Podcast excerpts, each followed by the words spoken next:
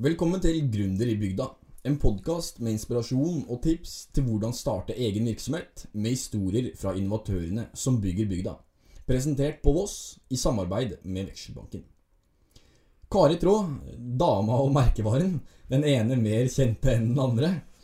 Hun har lagt bak seg en imponerende idrettskarriere, og tilfeldighetene skal ha til at hun også ble klesgründer. De senere årene har Kari og skiguttene blitt kjøpt opp både én og to ganger, med sistnevnte verdsettelse til en milliard. På fritiden har hun minigriser, brygger øl og bygger bolig til førstegangskjøpere. I dag forteller Kari sin historie om oppstarten av Kari Traa og veksten med skiguttene. Dagens episode er sponset av forretningsadvokatfirmaet Magnus Legal. Praktisk hjelp når lovverket påvirker bedriftens økonomi. Velkommen, Kari. Jo, tusen takk. Jeg satt og hørte på introen din, så bare sånn Ja, jo da. Det høres så flott ut når du forteller det sånn. Ja, men jeg er klar, jeg. Altså, Skikarrieren du har lagt bak deg, er jo stor. Altså, du har OL-bronse, OL-sølv og også OL-gull i Salt Lake City i 2002. Eh, hvordan har det vært? Ja, det, det har jo vært en fantastisk reise. Eh, jeg har liksom fått Måtte dreve på med hobbyen min da, veldig lenge, til jeg var 32 år. Um, for da slutta jeg. Um, og når jeg oppdaga freestyle i bygda, som var ganske sånn stor sport på Voss, så var jo det litt sånn skummelt for meg. For jeg syns de som drev på med freestyle, var litt for kule. Jeg liksom oppvokst litt ute på bygda, og så jeg følte jeg de som drev på med freestyle, det var de som bodde liksom nærme sentrum på Voss og hadde kule klær og gikk liksom med nåse litt sånn heva, da. De var liksom fulle av sjøltillit, følte jeg. Og jeg var liksom ikke helt av den, så jeg, jeg eh, bare gikk og skula på dem liksom, jeg var på ski og sånt, og bare drømte meg inn i deres verden, da. Men jeg dreiv nå på og putla på med mitt, jeg, med mine klassekamerater på ski. Eh, og så gikk det noen år, eh, så jeg måtte, måtte mota meg opp, da. Og når jeg så Hans Engelseneide komme ned den jækla isete fele felebakken i Calgary i 88, som da han tok sølv, da tenkte jeg Nei, vet du hva, nå må jeg bare hyve meg inn, for dette så så skøy ut. Så da møtte jeg opp på første trening og eh, fikk eh, en sånn åpenbaring av at jeg hadde tatt feil så mange år. For de var jo veldig kjekke. Alle som eh, drev på med freestyle, de ble veldig godt tatt imot. Jeg følte egentlig at jeg, ja, jeg hører faktisk hjemme her. Så kanskje jeg begynte å gå med ned- nåsiværet, jeg og og gå med kule klær. Nei da. Men um, det var um, Så egentlig så Jeg var ikke så god på ski, men um, jeg var um, blitt fortalt, da, eh, at jeg var uredd. Jeg tørde alt. Jeg fikk eh, Hvis de sier jeg skulle hoppe der, så gjorde jeg det. Og hvis jeg skulle gjøre sånn og sånn triks, så gjorde jeg det. Prøvde iallfall på det. Eh, Så jeg er nok den jenta i Norge som har krasja mest, tror jeg. Men så er jeg ganske sånn avslappa egentlig òg, da, så jeg er veldig flink å dette. Jeg slapper av når jeg detter, og da slår du det mindre, sant? eller får mindre skader. Men eh, jeg var tidlig tatt ut på juniorlandslaget, og eh, Hvor, hvor gammel var du når du starta? eh, da er jeg eh, 14. 14 år. Og årstallet? Det er 88. Ja. På slutten der, da. Og så ble jeg tatt ut på juniorlandslaget liksom bare året etterpå, på en måte. For da at jeg tror de bare så potensialet i at hun her kan vi bygge opp. Hun kan vi få, til, til, hun kan vi få til å gå bli, fort til å bli god på ski. Eh, for at hun har um, Hun er så uredd og litt sånn vågal. Så jeg tror det var da de så etter. Så jeg måtte jo ha mye sånn vanlig skiteknikktrening. På vanlig eh, storsvinger, kortsvinger. Jeg måtte jo begynne der. Jeg syntes det var litt kjedelig, da. Men jeg gjorde jo det, for jeg skjønte hva, hva poenget var, da. Og så um, begynte jeg egentlig å reise på uh, sånn norgescuper, svenske cuper, europacuper når jeg var 15-16 år. Kjempekjekt. Gå ut i den store verden, liksom. Jeg hadde jo vært en gang til Syden før, da, så jeg har flåget en gang, liksom. Da Når jeg var tolv år. Og um, plutselig nå skulle jeg over til Sverige med bil, og det var stort. Alt var stort for meg, da. Eh, Så ble jeg tatt ut til OL i 92, faktisk, i Albertville. Da hadde jeg klart å få en åttendeplass i et verdenscuprenn i Oberjork i Tyskland.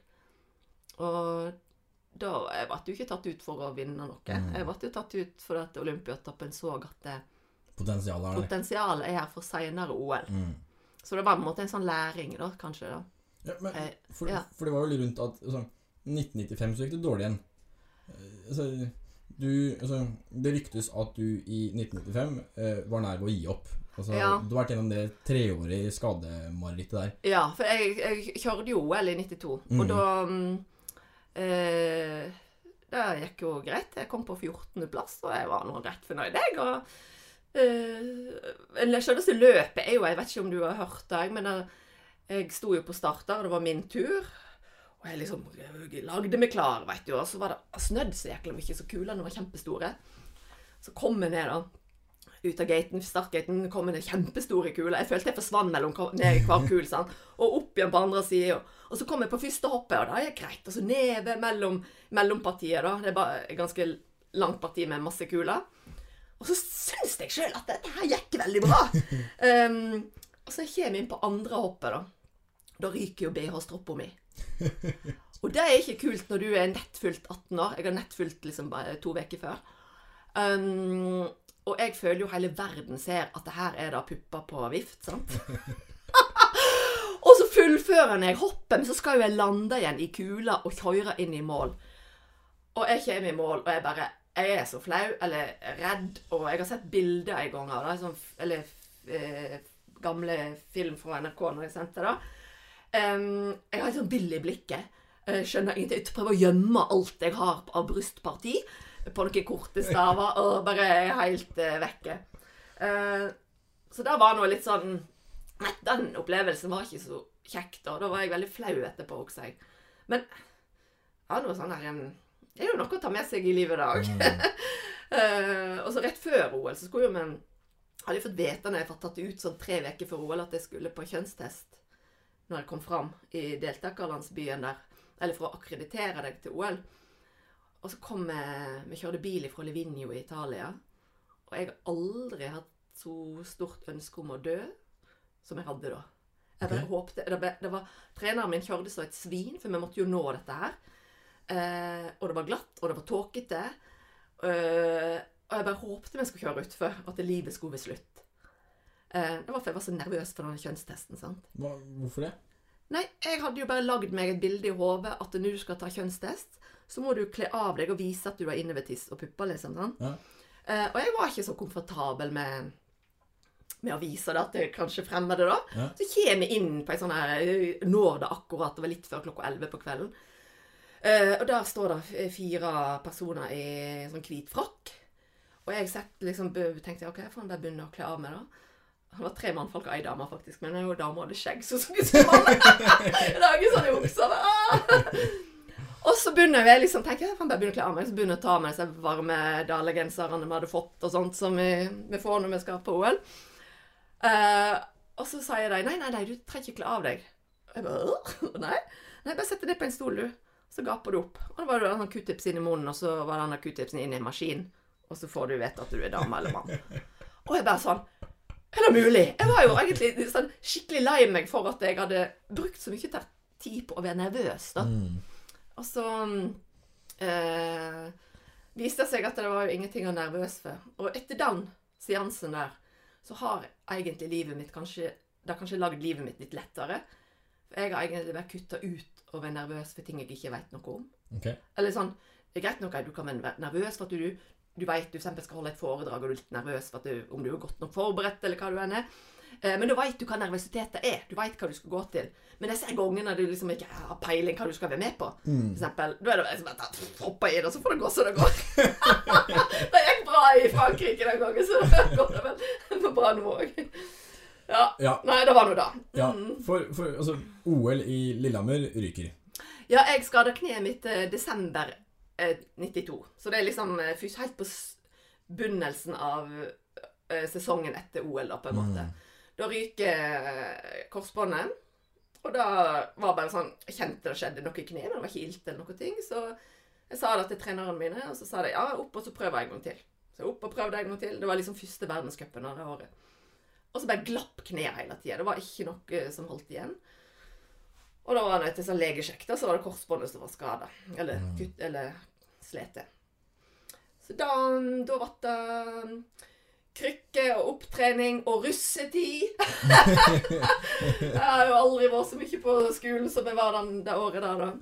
Jeg hadde masse å ta igjen, da. Men um, det var jo da òg um, broren min eh, ble uh, sjuk. Mm. Han fikk en svulst på hjernen, så han måtte um, Det var liksom liten Det var stor sjanse for at han kunne dø. Mm. For svulsten vokste fort. Han måtte operere, men da visste ikke de Han lå så vanskelig til, så da visste Det er så mye annet jeg kan skade.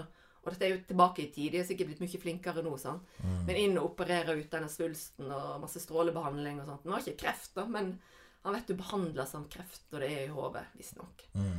Men um, um, Så var det trist på hjemmebane sånn sett, da, men eh, det, gjorde, det fikk jo meg til å på en måte, ikke, Det var ikke så viktig med den der kneskaden. Mm. Den var, betydde egentlig ikke så mye. Jeg liksom, jeg gikk jo til samme fysioterapeut, og jeg eh, var der for å trene opp at Vi gikk der samtidig noen ganger òg. For å trene opp at for jeg skulle konkurrere på ski. Mm. Mens han gikk der for å lære seg å gå igjen. Mm. Så det var et liksom veldig sånn kontrast til hva vi drev på og trente oss opp igjen til. da. Ehm, så da ble det liksom ikke Etter det så har ikke ski vært så veldig viktig, egentlig. Resultat og sånn. Klart viktig nett der og da, men ikke Det var ikke Det var ikke en krise om jeg måtte slutte, eller om jeg skada meg igjen. Eh, Sånne ting egentlig forsvant litt. Og det tror jeg kanskje jeg hadde litt godt av òg. Hvis du får ja, perspektiv på det, kanskje. Ja, og så ble det ikke da, Ski ble ikke det viktigste for meg. Det var ikke krise om det gikk dårlig. Eh, ikke så krise som det hadde vært hvis jeg ikke hadde fått den opplevelsen med broren min, tror jeg kanskje. Mm. Um, så litt så litt sånn, sånn godtgilt på en måte, da, Mm. kan du si. Altså, du har tidligere altså, uttalt at du er litt ferdig med skikarrieren. At de få sekundene du har kjørt, har blitt omtalt i timevis. Ja, det er ikke lenge vi konkurrerer, da, men jeg er glad for det, for jeg har så jæklig dårlig utholdenhet. Jeg hadde ikke klart så mye lenger, kanskje. Du dunker nå disse kulene i 30 sekunder, men da må jo hodet skjerpe skjerpa Ja. i de 30 sekundene. Og det er mange idretter, andre idretter som konkurrerer i enda kortere. sant? Stup og hopp og liksom sånne ting. Men eh, jeg, jeg er så glad for at jeg ble kulekjører, for det har Jeg vet ikke, jeg. Jeg tror bare jeg var bygd til å kjøre kuler. Mm. Eh, det er en sånn jeg, jeg har tenkt nå i ettertid at jeg syns det er ganske kjedelig å se på eh, kulekjøring. Men jeg, jeg tror det er bare derfor at jeg er på en måte litt ferdig med det. Mm. Eh, så jeg skjønner kanskje at folk ikke helt føler at det er dette kunne jeg tenkt meg å begynne med. Eh, men det er helt magisk å, Å kjøre det. å kjøre det. Og takle det underlaget. Jeg er jo på en måte olympisk mester på dårlig underlag. Hvis jeg skal si det på en sånn måte.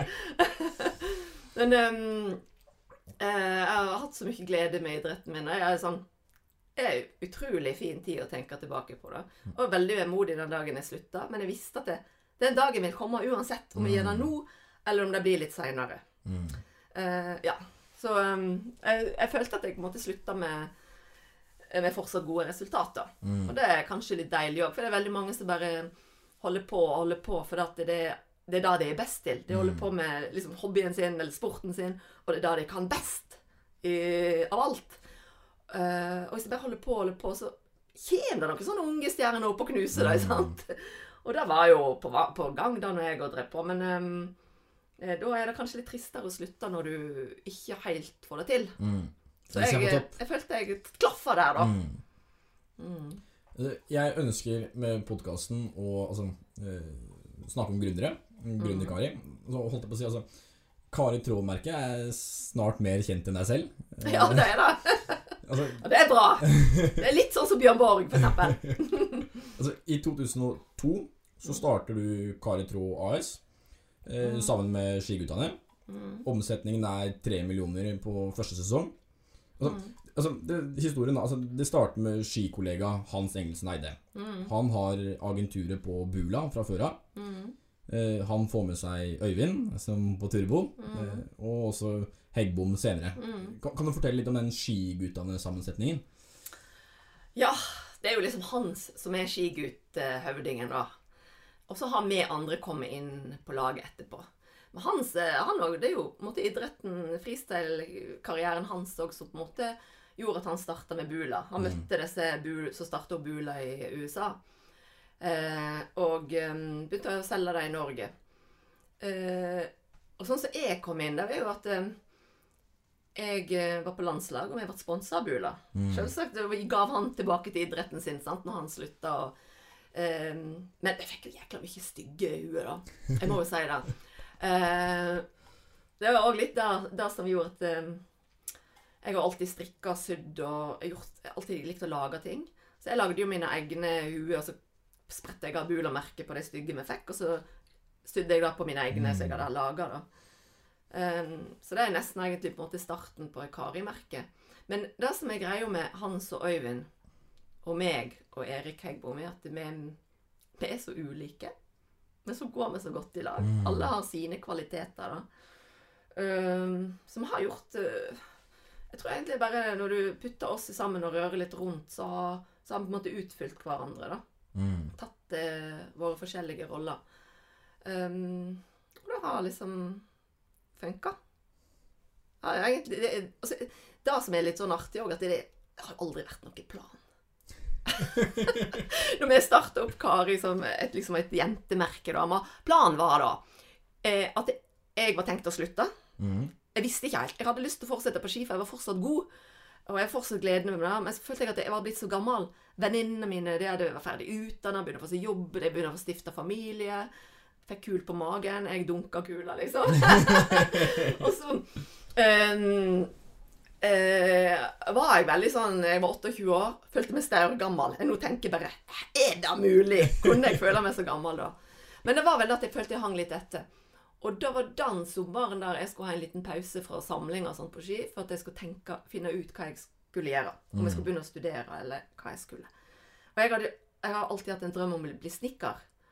Eh, elsker snekkerhåndverket, på en måte, da. Eh, restaurerer gamle møbler, bygger ting. Eh, det er et eller annet sånn Det er bare noe som ligger i meg. Um, så var jeg inne og snakka med Hans og Øyvind den sommeren der, og så sa jeg det at eh, Du, så du er litt sånn i tvil og ikke helt hva du skal gjøre. Kan ikke du bare mm, lage en huekolleksjon, og så selge med det på messen, da? Og så kan du fortsette på ski noen år til å finne ut hva du skal bli. Mm. Og det var jo bare sånn Akkurat det jeg trengte å høre. Yes! Da er jeg med på. Dette klarer vi. Mm. Uh, det var sånn at mange kilo som bare letta ifra fra hele kroppen. sånn. Men det var det navnet, da. Så må vi, ja, da må vi ha et kult navn. Hva, hva navn skal vi bruke? tenkte jeg liksom sånn. Vi må finne et kult navn. For jeg tenkte jo ikke at det skulle liksom være meg. Mm. Uh, nei, det må hete Kari Traa. Og da ble det plutselig veldig meg. Mm. Eh, hadde jeg visst hvordan det er i dag, hvor stort det er blitt, kan hende jeg ikke hadde syntes det var så greit å bruke navnet mitt. Det er litt sånn av og til jeg tenker på, for at jeg blir så veldig linka opp til det hele Mm. tida. Eh, både positivt eh, Mest positivt, selvsagt, sant? Men jeg merker sånn som på ungene mine nå, som Folk snakker om Kari Traa og merker Det går litt i surr for deg, da, sant? Mm. Hva, hvem er du, og hvem, hva er merket? Og er litt sånn eh, Litt vanskelig for deg. Um, men ehm, Ja, altså, altså, ja, for, Ja. altså, det, innebærer jo en del ansvar. Altså, du kan jo sammenligne altså, Det er jo styrken og svakheten din. Det, altså, det er navnet ditt. Du kan jo sammenligne med eksempelvis Northug, altså, som har bygd opp noe av det samme. Så kommer han i en del hendelser på privaten, og det straffer merkevaren ganske hardt. Her også med deg, altså, Active Brands ansetter jo hundrevis av mennesker. Mm. Og blir, gjør du noe gærent nå, så blir jo alle de straffa ved at merkevaren Ja. får seg en knekk. Ja, nett, ja det, men nett den, ting, den der greia gidder ikke jeg tenke på. For da at um, Egentlig så er merket bygd fra starten av av, måte, av måte meg som den hovedpersonen, da. Mm. Uh, merket har liksom reflektert tilbake til meg på hva vi har laga, og det skal være leikent og humoristisk og fargerikt og uh, veldig sånn playful på en måte, da. Um, og uh, jeg er bare meg, og jeg har gjort så mye galt før merket ble, ble satt i gang. Mm. Uh, jeg var en sånn der rølp, rølpete jente som rava full på vangen til tider, sant, i min ungdom. Um, men uh, jeg tror faktisk at så lenge jeg er bare meg, så kan ikke det gå helt hakkende gale heller. Og nå når jeg er blitt såpass opp i alderen, så er det vel kanskje heller alderen som er som kanskje gjør at eh, jeg ikke bør bli linka opp til, til merket. Men det har jeg faktisk aldri tenkt på, men andre har sagt det til meg. Mm. Eh, Så det ligger jo kanskje litt i bevisstheten bak. Men eh, jeg har vel Jeg har aldri gjort Jeg har aldri vært Det verste tror jeg kan være sånn at du, du gjør noen sånne store feil som går utover andre.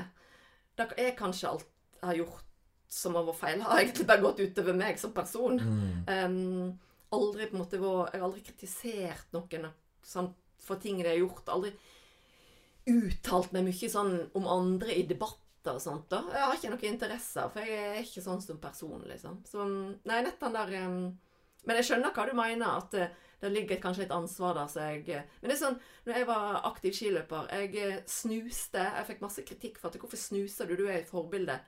Så jeg, vet du hva? Det er godt det finnes forbilder som er litt annerledes òg enn den perfekte som skal være bare trene og drikke vann og øh, mele O2-opptaket sitt og sånn. Mm. Uh, så um, kanskje, det, kanskje verden har godt av uh, å ha forbilder som er litt mer vanlige. Mm. Tror jeg, da. Uh, som er jo alle ulike. Og jeg kunne jo Det jo kanskje en grunn til at jeg ble kulekjører òg, for at det var noe som appellerte til meg. Det hadde jo kanskje ikke appellert til en, en annen jente. sant? Mm. Um, så verden er jo sammensett av så masse ulike folk som gjør at det, livet og alt er litt mer spennende. Dagens episode er sponset av advokatfirmaet Magnus Legal. De er forretningsadvokater som har sitt fokusområde i grenseland mellom juss og økonomi. Advokatfirmaet har sin egen blogg, hvor du som næringsdrivende kan holde deg oppdatert. De tar opp utfordringer og spørsmål knyttet til lover og regler som får konsekvenser for din virksomhet og arbeidshverdag. Nye blogginnlegg publiseres jevnlig. Hold deg oppdatert ved å følge med på Magnus Legal-bloggen. Du kan registrere deg for varsling på e-post på blogg.magnuslegal.no. Altså, En av de få tingene du har tatt altså, et sånn bevisst ansvar til, er liksom, I 2015 så var du ute med en kronikk i Aftenposten Mm. eh, med 'La oss jage trollet til skogs'. Altså, Mm. Det var en kamp mot altså, fremme unge mot nettroll. Mm. Kan du fortelle altså, hvorfor er det viktig for deg? Eh, det har vel kanskje litt med at um, når jeg eh, var aktiv og yngre, så var ikke det Nettet, sosiale medier var noe vi ikke visste noe om. Det var Mm. ikke sant. Um, men så ser du hvor mye, mye uh, anonym og litt sånn åpen drittslengning det er. eh, ikke face to face. Eh, og du kan skjule deg bak mye. Mange får dårlig sjølbilde. Eh, og får påpekt hvor stygg du er. Det er kanskje greit hvis noen gjør en, en, en stor feil, og de får, de får på en måte konstruktiv kritikk på, på en måte det de har gjort. da, ja, på-? Mm. Men for at noen velger å vise da eller da, eh, og bare trykke andre ned uten at du viser på en måte, står for deg sjøl og viser og tør å ta den der eh, vanlige, en måte, normale debatten, da. Eh, den syns jeg er ganske sånn det, det er så dårlig, med, å være med, dårlig medmenneske, da, å være sånn. Mm. Eh, Så vi tok en, og den, den der, den der eh, Trollfighter-kampanjen er jo på en måte Han er jo ikke, han er veld, veldig meg, men han er òg en sånn som merket kan stå for. Mm. Vi selger klær til eh, jenter, og og vi skal være der og være med og støtte jentene når det er noe kjipt òg. Vise at vi måtte bryr oss, da. Eh, og det er mange som kanskje bare Ja, men du bruker merket ditt for en kanal for å nå ut. Ja, men hva er galt med det hvis, eh, eh, hvis det er noe som vi mener er bra, da? Mm. eh, så kan jeg ha muligheten til å bruke den, den kanalen. Og, og jeg tror det er bare en sånn her um, eh, Kanskje han ikke måtte sånn, Har du noe konkret bevis om den ga et resultat? Eh, foretatt mindre sånn ne- drittslenging? Det tror ikke jeg kanskje. Men kanskje det gjorde at noen ble litt mer bevisst. Mm. Og det kan hjelpe. Ehm, ja. Underbevisstheten, ja. Mm. Altså, altså du eh, Du har jo snakka om at dere har ikke så mye planer eh, når dere legger ting så, Ja, men, ah, i, i, starten av hadde ikke vi så mye planer. eh, Altså for, historien om ullundertøyet, rosen, eller Ja. rose eh, Ja. Var, var det planlagt? Det er jo noen stølstuer her som er litt berømt. ja. Det er jo egentlig bare jeg og en av designerne mine som um, er gode venner med. da. Uh, Venninne av meg som er, skulle inn på stølen vår. Mamma og søstre søstera mi og de var der, og vi skulle inn der og eh, tror bare stod inn på dagstur, eller var det overnatt? Jeg husker ikke helt. Eh, og så um, sitter vi inne i stua der, da, og da henger et sånt gammelt veggteppe. Jeg vet ikke helt hvem som har sydd det. Jeg vet ikke helt hva slags familie det kommer fra, om det kommer fra mamma sin familie, som måtte ha hatt den gården, eller om vi har fått det av pappa, far min sin familie, og han har kommet inn der. Eh, for det er litt sånn som vi ikke helt finner ut av. Det står ingenting på dette veggteppet. Og, ingen, og de som vet det, det er dessverre ikke her mer. Men eh, det henger nå der, da. Men det er jo et helt vanlig sånn veggteppe Mm. så utrolig mange hytter og støler har. Men det, det er ingen som har tenkt at det da kan bli ullundertøy før. det er vel der, da. Så vi tok bilder og da tenkte jeg det er kult å få dette på et, et ullundertøy. Eh, og hun designeren som jeg hadde med, hun er jo, hun er jo utrolig flink å se sånne hva kan brukes, og er kanskje liksom utdanna designer og ser litt mer enn en meg, da, som er hun som skal ha mest kred for dette der. Eh, Karine Lunde heter hun. Superdame. Eh, men em, eh, vi tok bilder av det og tegna det opp og sendte det til fabrikker. Det var mange som sleit med å få utrolig mye prøving og feiling for å få det til. Og strikke det på en sånn sjakardsmønster som skal strikkes på maskiner. Men eh, til slutt så klarte de det, og det ble jo en utrolig Det er liksom Det er ikonprodukt, Ja, altså, det, vårt, ja, sant? det er identiteten, Ja, identiteten på det er blitt da veldig Det er jo på en måte blitt da. Og jeg, det jeg syns er kult med det, er at jeg, er- jeg er litt sånn glad i tradisjon og eh, gamle skikker. Eh, både på hvordan de gjør ting, hvordan de bruker øl, hvordan de lager ting. Eh, at ikke alt skal forsvinne. da. Mm. Og hånd, håndverket du gjør selv, istedenfor å sende noe gjennom en maskin, så kan de som sitter og syr Mm. Jeg er liksom fascinert av det. At det men må, den må ikke dø ut, da. Mm. Eh, men em, at det da Jeg er så glad for at det der rosemønsteret da på en måte blir identiteten. For det er liksom litt sånn gammelt i det. Mm. Veldig mye i bunad og sånn. Um, men vi trodde jo ikke han skulle leve så lenge. Var det det første ullundertøyet? Mm, nei. Vi hadde, vi, lagde, vi hadde en del uh, ullundertøy par år før med, som vi samarbeidet med Janus. Så Janus Ja. produserte det for oss. Men til slutt så så vi at vi klart, kunne klare dette sjøl. Så det hjalp jo oss på en måte i gang, da. Eh, og så det roseullundertøyet, da tenkte vi det vil dø. Så vi laga masse sånn erstatninger, da. Mm. Når den dør, så har vi noe annet som kan ta over. Men han er jo still going, vet du. Vi bytter jo farger hvert år, og når vi ikke bare med nye farger, så skal jo folk ut og shoppe nye farger på ull. Eh, så vi blir liksom ikke helt kvitt det, da. Og vi har tenkt nå er det siste året. Nei, nå er det siste året. Ikke søren. Det er det folk skal ha. Og det er jeg veldig glad for, da. Det er jo et godt eh, produkt. Og eh, nøkkelen bak hei, hal- Når vi tenkte vi skulle begynne med ull, var jo at du kunne holde deg varm og god i skibakken, og så kan du se hot ut på afterskien. det er derfor Gledåsen er så langt ned. Her framme får vi ruste. Og, holdt jeg det er tydelig at det er eh, populært. Nike lanserte en sko i januar med likt mønster. Og, og, å si, Det er et ordtak som heter at 'skal du stjele, så får du stjele fra de beste'. Ja. Og, og du svarte noe humoristisk på Instagram. Altså, Hva tenker du om det? Jeg syns det mm, Jeg, jeg syns det, det er jo ikke kopi, på en måte, da. Det er jo, du har jo um, Det er jo bare en kred at de går for et sånt mønster som vi er kjent for. Mm. Eh, og når et så stort merke gjør det, så er det bare sånn eh, Grattis til deg, Jeg kan håpe disse skoene selger dritbra. og jeg tror jo, når de gjør det, så er det da på en måte Da får egentlig vi veldig mye kred tilbake. For dette vi er på en måte en liten inspirasjon til deg, da. Mm. Eh, så det er jo sånn Hele verden er jo bygd opp av å bli inspirert av det du ser. Mm. Og det er greit å plukke litt fra ulike eh, ulike ting du oppdager med øynene, liksom, og så, så lenge du ikke reinkopierer noe. sant? Mm. Eh, du finner jo deg òg, som gjør Sånn er jo verden blitt. Og eh, nå er jo det liksom ikke lov å kjøpe falske Så lenge du veit Ja. ja. Du kan bli tatt for du kan få bot for å kjøpe falske produkt. Uh, og det er jo mange som går på en smell, for de tror faktisk at det er ekte. sant? Det er kanskje dyrt òg, og så tror de har gjort et godt kjøp, og så kjøper de Butårvesker som er falsk. Mm. Eh, men, men. eh, sånn er det. Vi går på noen smeller av og til. Men eh, jeg eh, håper disse skoene går skikkelig bra. Men det er jo ikke det første som har brukt rosemønster på skoene. Okay. For vi har jo brukt det sjøl på våre egne. Men vi har brukt det til inni fôret, liksom, liksom innvendig, så du ser ikke det. da, sant? Så de var, vi var egentlig først der òg. Altså, det er holdt på Du har vært innom en del podkaster, og det er flere som omtaler at eh, karemerket har eh, så, god kvalitet. Eh, men det har ikke alltid vært tilfellet. Altså, dere har hatt noen ulike produksjon, produksjonsbatcher. Altså, kan du fortelle litt om den prosessen der? Altså, når det blir, når det blir feil på varene.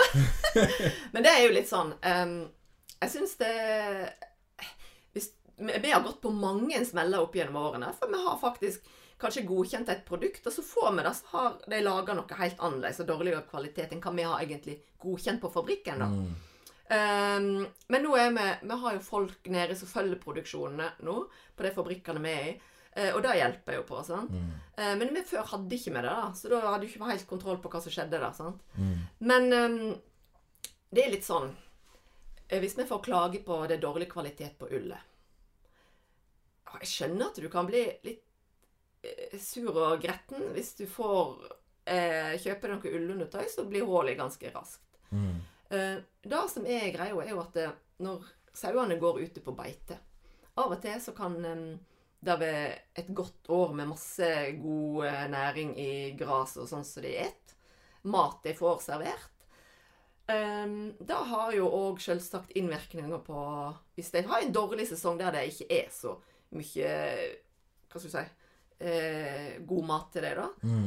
Eh, og det går jo utover hva, hva, ullet, hva kvaliteten blir på ullet fra helt til da du klipper sauen. Eh, og da blir det svak, svakheter i selve ullfibrene. Og så blir de behandla sånn. Så noen ganger kan vi få store parti som er nok eh, på måte litt dårlig kvalitet på ullet. da. Og det er jo liksom vanskelig å sjekke helt ifra bunnen av hva slags mat disse sauene fikk da og da året pga. klima og alt mulig. sant? Så det er jo én liten greie. Men, eh, eller det kan bli stor greie. Men da kan det, da, hvis du får, skjønner det at det, OK, sauen fikk for alle litt dårlig ull i år for det, det er litt sånn Hvis det var en dårlig sommer og mye regn, så vet jeg dårlige epler i Hardanger. sant? Mm. De Det blir ikke så gode da, som det året, det året før, når det var en bra sesong. sant? Og godt vær for det. Eh, Så alt henger litt sammen der, da. Eh, Men eh, vi blir bedre og bedre på kvalitet. Vi har fått utrolig Eller vi har fått masse pes for størrelser. sant? Mm. Det òg er sånn litt vanskelig når du er i en For noen år siden når vi var, var mindre. For da måtte vi lage for eksempel, Ok, vi lager størrelser fra small, medium og large. Mm. Det koster utrolig mye å lage ekstra small, ekstra ekstra small. Vi skal lage eh, ekstra large, ekstra ekstra large. Det blir Altså, kjempestore ja, kostninger ja. å produsere. Ja, sant? det er veldig enkelt etterspørsel og tilbud. Ja. Ja. Um, og, eh, og så får vi så klage på det at ja, men de har alt, hvorfor kan ikke de få større størrelser? Hvorfor kan de ikke få mindre? Og så er det sånn, ja, men vi har ikke Det, det koster å få så vide eh, kolleksjoner. Og så er det sånn vi må, Det går mest av medium. Mm. Det er stort sett det, ja. Medium, eh, small og large. Da produserer du mest i det. Mm. Eh, så alt som går på Så for eksempel hvis vi lager et eh, eh, ullsett i mm, ekstra, ekstra small, Mm. sammenligna med ekstra, ekstra, ekstra large, Mm. så går det dobbelt så mye stoff i den i ekstra, ekstra, ekstra large. Men da skal vi samme pris ut av butikk. Mm. Eller vi betaler det samme for det. sånn. Mm. Så det, er- det er sånn som kanskje ikke alle helt veit om, da. Men det er sånne ting som, som eh, vi må passe på. Mm. Men vi vil jo selvsagt selge til flest mulig. Vi, det er jo, alle skjønner at vi vil tjene penger, men eh, vi kan ikke hoppe i det og produsere opp kjempemasse når vi faktisk ikke har eh, måtte råd til det der og da. Men vi er blitt så store nå at nå kan vi Nå har vi utvida rangen på størrelsene våre. Mm. Så jeg håper flere er fornøyde med det. Er Enkelt med hua, da. Hua er hua. Men jeg syns jo faktisk at det, vi lager litt trange huer. For jeg vil jo ha sånn hua som Jeg er sikkert helt alene. Men du ser når jeg, jeg har hua på meg nå, sånn. Hvis jeg snur hodet fort, så står nesten hua igjen. jeg liker at hun henger sånn og Ja. Det er liksom Men det er veldig få andre som liker. Så derfor kan ikke vi produsere så store huer som jeg liker. Så jeg må lage mine egne ennå.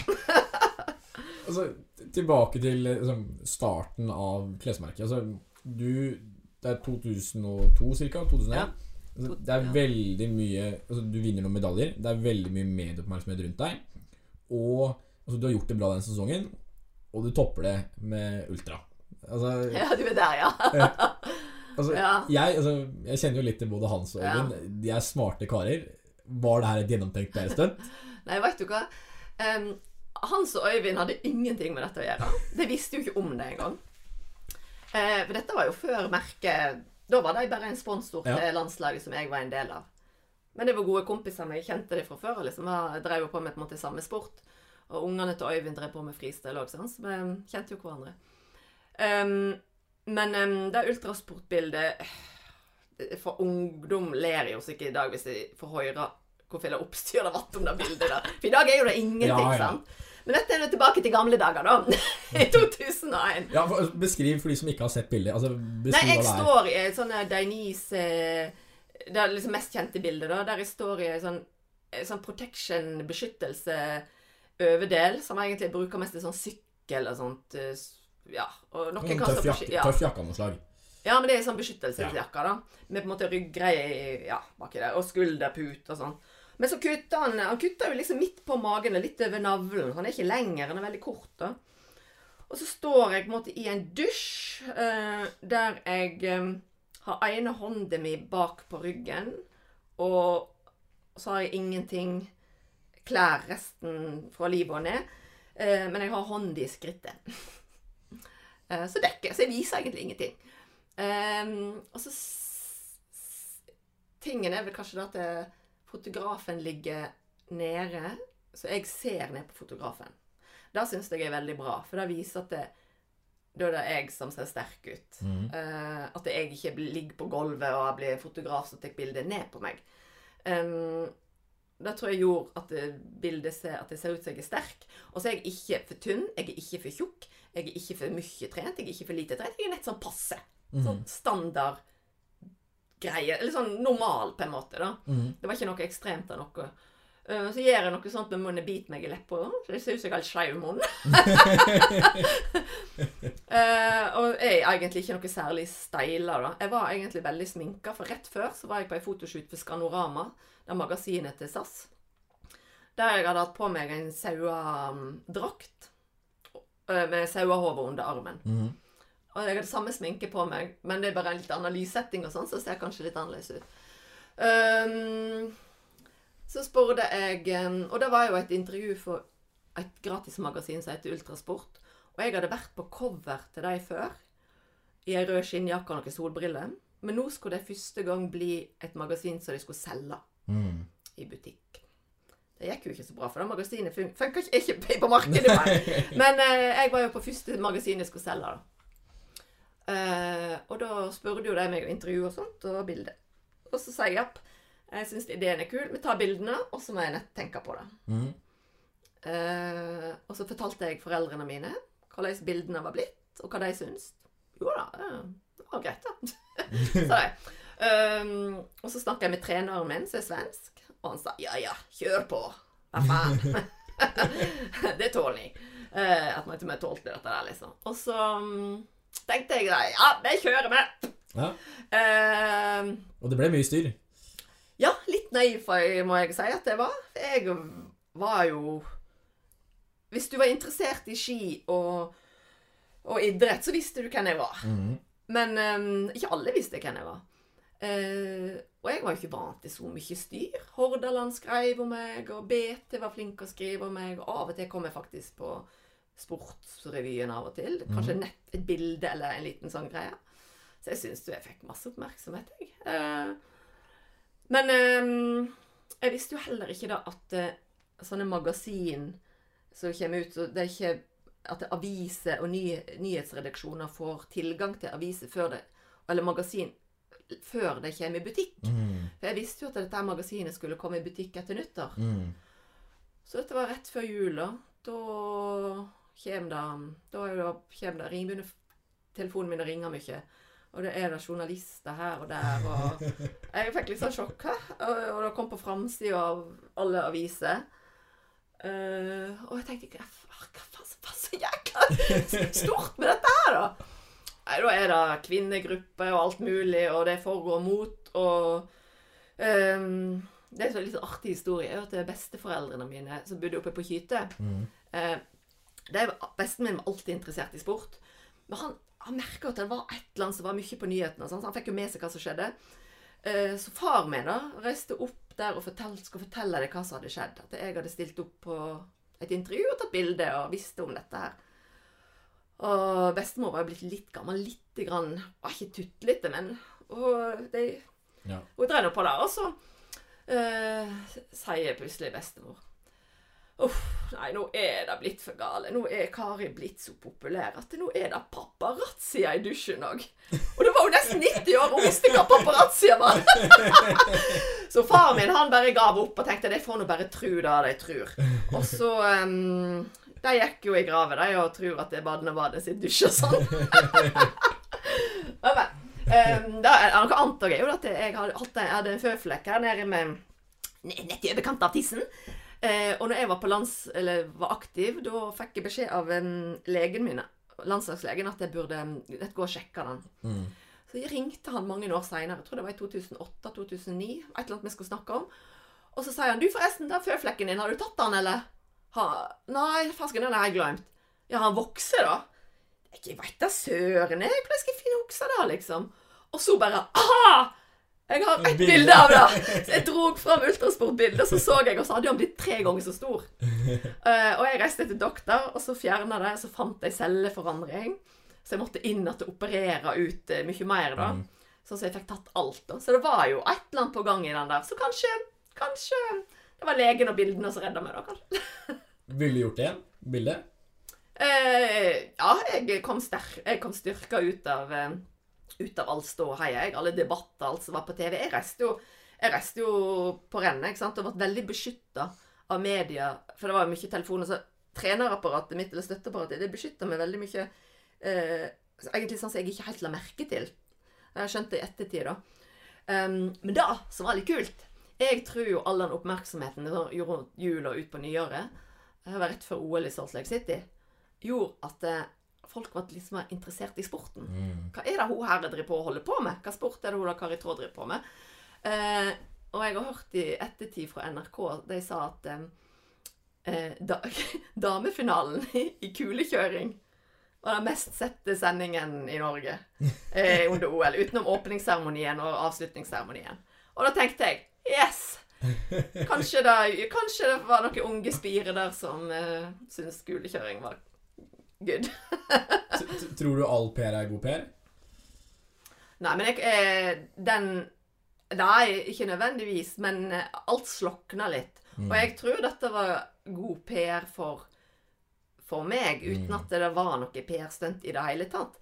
Og etter den der greia da, så skjønte jo jeg at det, hva mediestyr er, da. Mm. Eh, da skjønte, jeg trodde jo at jeg, jeg fikk masse medier før deg, men jeg skjønte jo i ettertid at det, Nei, jeg gjorde jo ikke det! Mm. Plutselig var media interessert i, i meg, eh, ting utenom det med sport òg. Typisk sånn kjæresteting og andre ting. sant? Eh, det var litt nytt for meg. da liksom skal bli kjent med hun her Kari. Eh, ja. Så mm, Men eh, jeg tror så lenge det, jeg følte at det gjorde iallfall noe at eh, sporten fikk vise seg litt fram, så tålte jeg å stå imot den der støy- Mm. der. Og så er det sånn at eh, sånne, sånne greier, sånne ting som det der eh, det, Du kommer egentlig Det er jo en sånn lærdom av det å leve, da. Mm. Um, og sånne ting får jo alle folk, men ikke akkurat i sånn ikke kanskje sånn i mediasammenheng, men alle får en sånn greie som blir stor for deg. Og når den er gått over, så har du vokst på det. Du har jo på mange måter vokst opp med media, holdt jeg på å si. Altså, de har fulgt deg fra du er ung til nå. og Sånn. Har du følt på det å hele tiden være i medias søkelys etter, etter den hendelsen? Om jeg, hva om jeg har Følt altså, på å være i, i medias Ja. søkelys? Altså gjennom Ja. hele, hele oppveksten? Altså ja, fra Ja, liksom, utover? Ja. Uh, det, jeg fikk på en måte en sånn gradvis overgang til det at du blir intervjua og blir fulgt, på en måte. da. Eh, og hele tida syns jeg at eh, Jeg syns det var veldig urettferdig. Jeg var så glad når VG skulle få eget sportsmagasin også, jeg. Mm. Eh, for da tenkte jeg da blir det mer plass til oss. Et eget magasin inni bladet. Da, det, da kan jeg skrive mye mer om kulekjøring òg. Mm. Eller om de små, smale idrettene. Men det er jo ikke det. Ble bare mer fotball. Mm. Så jeg er litt sur for det, da. Eh, men jeg, jeg Jeg kan synes Etter jeg ferdig med ski, så var det mye mer sånn Du vet, alle sånne reality-greier. Altså, sånt, TV-greier som ikke er den sportsgreia, da. Mm. Jeg har takka nei til nesten alt. Du var med Eh, på Skal vi danse? Jeg var med på Skal vi danse, og da var jeg egentlig for bare å komme tilbake i form igjen etter jeg hadde fått henne første jenta mi. Uh, og så tenkte jeg ja, ja, jeg har jo dansa swing eh, på fest, men da har jeg stort sett vært litt bedugget. Og da har det gått veldig bra. Så, mm, Men vi måtte jo være edru når vi skulle danse der, da. Og det var veldig tøft. Var, det var helt forferdelig første gangene. Altså nervøs. Alt stokka seg. De fikk bare skikkelig brainlock. Og det sier alle at de får. Det er en helt sånn Jeg skulle ønske alle skulle få oppleve hvordan det er å gå ut på den parketten. Der. Plutselig er det masse folk der, og så skal du plutselig huske hva du skal gjøre, og så hører ikke du musikken. Altså, jeg er jo så jækla Jeg er jo så, jeg er så umusikalsk at jeg, jeg veit jo aldri når jeg skal starte et trinn, eller når jeg skal gå, så jeg må bare Jeg går nå, jeg. Jeg, vet, jeg, klarer ikke jeg klarer ikke danse etter musikk og høre takt. Og han Egor, min dansepartner, prøvde med å lære meg disse åttataktene, og jeg skjønte ingenting. Til slutt ga han bare opp og så bare sånn Du går når du går, du, så bare følger jeg på deg. Men jeg kom jo ganske langt, da. Helt utrolig nok, da. Så jeg fikk jo danse alle dansene, og jeg er glad for det. Men den, da var jeg veldig glad for at jeg takka ja til, for det, det var en fantastisk eh, opplevelse. Det er som ei sånn boble som alle snakker om, og den bobla er faktisk helt sann. Uh, men jeg, um, jeg føler at eh, jeg har ikke behov for Jeg har egentlig aldri hatt behov for å, for å være i media. Men det har bare blitt sånn, for jeg er for dårlig på å takke nei. uh, og det er litt sånn Jeg har lært å takke nei. Jeg har blitt mye flinkere til å takke nei med årene. Eh, og det er kanskje derfor jeg takka ja til sånn jeg, jeg kjenner at jeg virkelig har lyst til. Eh, og det kanskje var den, det som jeg er dårlig på, er å takke nei. Eh, men det har jo òg ført til at jeg har fått vært med på mye, da. Eh, men sånn Når det gjelder sånn idrett og sånn ting som, som jeg har hatt lyst til, så har jeg følt at jeg har liksom hoppa på det toget som har passert, og så ikke jeg veit helt hvor det skal stoppe. Eh, og det er kanskje litt sånn sånn livet mitt har vært, da. Ja, jeg prøver det, kjekt. Uh -huh.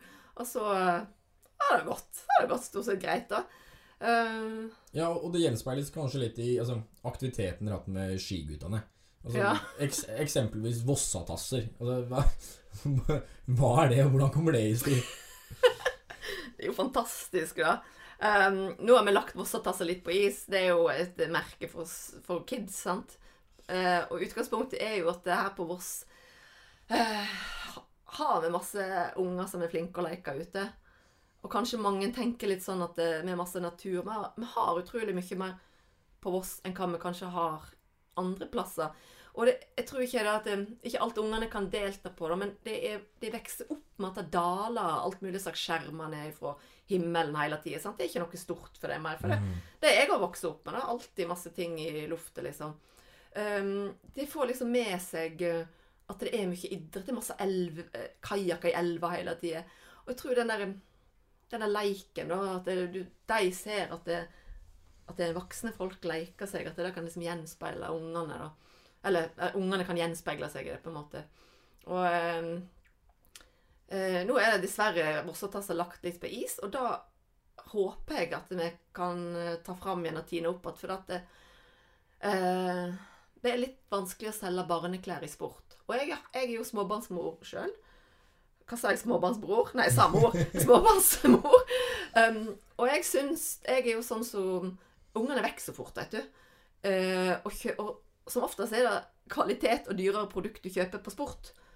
Og når ungen din kan bruke jakka i et par måneder så han vokser ut av den, sant, så blir det litt vanskelig kanskje nett der. Men um, nå er jo den inn og arva og gi videre og sånn, så kanskje jeg kan bare gå i omløp, da. Så um, Det er gøy. Ja. Altså, Det er fint ord, da. Ja. Vossatassa. Det er herlig. Så et annet eksempel på sånne tilfeldige ting dere i skigudene har gjort. Altså, Folgefonna. Hvorfor skal man eie sitt eget skisenter? Nei, he- dette var jo bare en sånn greie for at eh, de sleit litt. Og så brukte vi Vi var jo veldig sånn ihuga freestylere. Jeg og Hans og Øyvind og Erik er jo liksom Alle drev på med freestyle. Eh, i vinduet i maksen alder. eh, og vår freestyleklubb trente masse der, der sant? Jeg er med alle alltid trent der. Eh, det var med at det er sånn um, Hvorfor ikke? Eh, Putta noen penger i plass, og så driter i hvordan det går. Jeg bare håper de kommer seg over kneiken. Og så det var jo ikke, er det var jo ikke for Det var jo bare på å vise støtte, sant. Um, ikke noe bli noe stor, men kanskje redde dem over en kneik, og så Ja. Nei, det, er jo, det er jo sånn det er. Du hopper på det ene etter det andre. Så noe blir det bra, noe blir det ingenting av. Og ja. Men, men sånn, det er det som er kanskje litt kjekt òg, å ha litt muligheter. Og så blir det noe av, eller så blir det ingenting av. Men det, det er liksom Hvis du ikke prøver, så får du iallfall ikke et svar, Mm. kanskje. Ja, og, så holdt på å si, altså, dere vokser eh, veldig raskt. Eh, dere blir store på kort tid. Mm. Eh, altså, rundt 2010 ja, har dere, liksom, da har dere negativt resultat og taper penger. Mm. Det blir kjøpt opp på samme tid. Mm. Tre år senere så er det positivt resultat. Mm. Var det kritisk for selskapet eh, i den perioden hvor det var negativt resultat? Trengte det å bli kjøpt opp? Uh, ja, hvis de merkene skulle få blomstre sånn som de skulle. Uh, men uh, vi kunne godt Vi kunne ikke ha solgt, vi, men da måtte vi ha bare kutta ut en del. Mm. Ikke da å kutte ut merkene, men je- jenke dem på, på størrelsen. Eh, eh, sats mindre kolleksjoner, mindre bredde på alt, og gå tilbake. Eh, det er noe sånn der Du vet når du Hvis du vokser fort, så får du sånne voksesmerter. Mm. Og det var nok det vi fikk. sant? Mm. Eh, vi visste jo ikke helt hvordan det var å bli store. Vi har aldri vært store før. Mm. Det er jo samme sånn som vi startet opp Kari òg. Vi hadde jo ikke lagd logo. Nei, må vi ha logo? Folk spør skal jeg ha logoen på Kari. Da får vi skifte av og til ved blomster, av og til en skihopper. Men vi hadde ikke som Kari ikke tråd navnet, da, men i ulike eh, fonter, liksom. Mm. Så bare sånn Å ja, vi må lage en skikkelig logo, ja. Eh, og da ble det en sommerfugl og, mm, som liksom gjenspeiler at jeg likte å hoppe på ski og hoppe fallskjerm. Og sommerfugl er veldig feminin, som alle jenter har et forhold til. da. Eh, Så det ble liksom det. Og så rødt er jo en sånn liksom, sterk sånn farge som er sånn tidløs. Eh, rødt og hvitt veldig sånn Slipper å forandre det hele tida. Plutselig er rosa mote, og så plutselig er det mote. Um, ja. Jeg sklei litt ut. Men um, eh, hva, var med, hva var det Ja, altså, nei, men da når vi, når vi holdt og kjøpte oss opp, da uh, Da redda vel egentlig um, merket sin mulighet til å vokse, da. Mm. Jeg kom inn med liksom ny kapital og eh, gjorde at um, Holte hadde jo egne merker som egentlig ikke funka. Mm. Berenberg og sånt. Da måtte jo Pilago og sånt. Da, da bare kutta vi ut. Ja, for Kjetil Holta altså, kommer inn som investor Mm. med det som var Active Brands, Mm. som egentlig bare er sånn eierselskap på mange Mm. måter. Det er som du sier, han hadde noen merkevarer, mm. men det var dere han satsa videre med. det var, ja, for det var oss som funka. Ja, vi prøvde med de andre òg, men det funka ikke på den måten. Så jeg, jeg vet ikke helt, jeg. Men um, det viste iallfall at det, det var liv laga for å satse på, da. Mm. Eh, og da kutta de ut de andre merkene for å satse mer på våre merker. da. Mm. Og så har jo Active Brands på måte kjøpt opp eh, Johaug, og Dæhlie ble kjøpt opp, og Svit og Åsnes hadde jo med med oss. Ja, og, Mm. og, og så dere fortsetter å vokse. Eh, dere vokser veldig mye. I, I 2016 så omsetter dere for 800 millioner, og 100 av de er overskudd. Mm. Eh, og rundt den tiden så kommer altså Frode Sten Nilsen Mm. Uh, Han, altså FSN altså, Det er jo sånn PE-fond. Altså, Mm. sånn, de kjøper opp for å vokse enda mer. Mm. Han kommer inn, kjøper opp for eh, rundt en milliard, Mm. og fortsetter å vokse etter det. Mm. Nå, når de noe metningspunkt, eller hva? Altså, det her det vokser jo og vokser. Ja, uh, mye av veksten går jo uh, I Norge har ikke f.eks. Kari så mye mer Vi vil ikke bli så mye større i Norge. Eh, det, vi kan ikke mette markedet helt. Men andre, de andre merkene kan bli større i Norge. Eh, men eh, vi begynner å vokse mye i utlandet. Mm.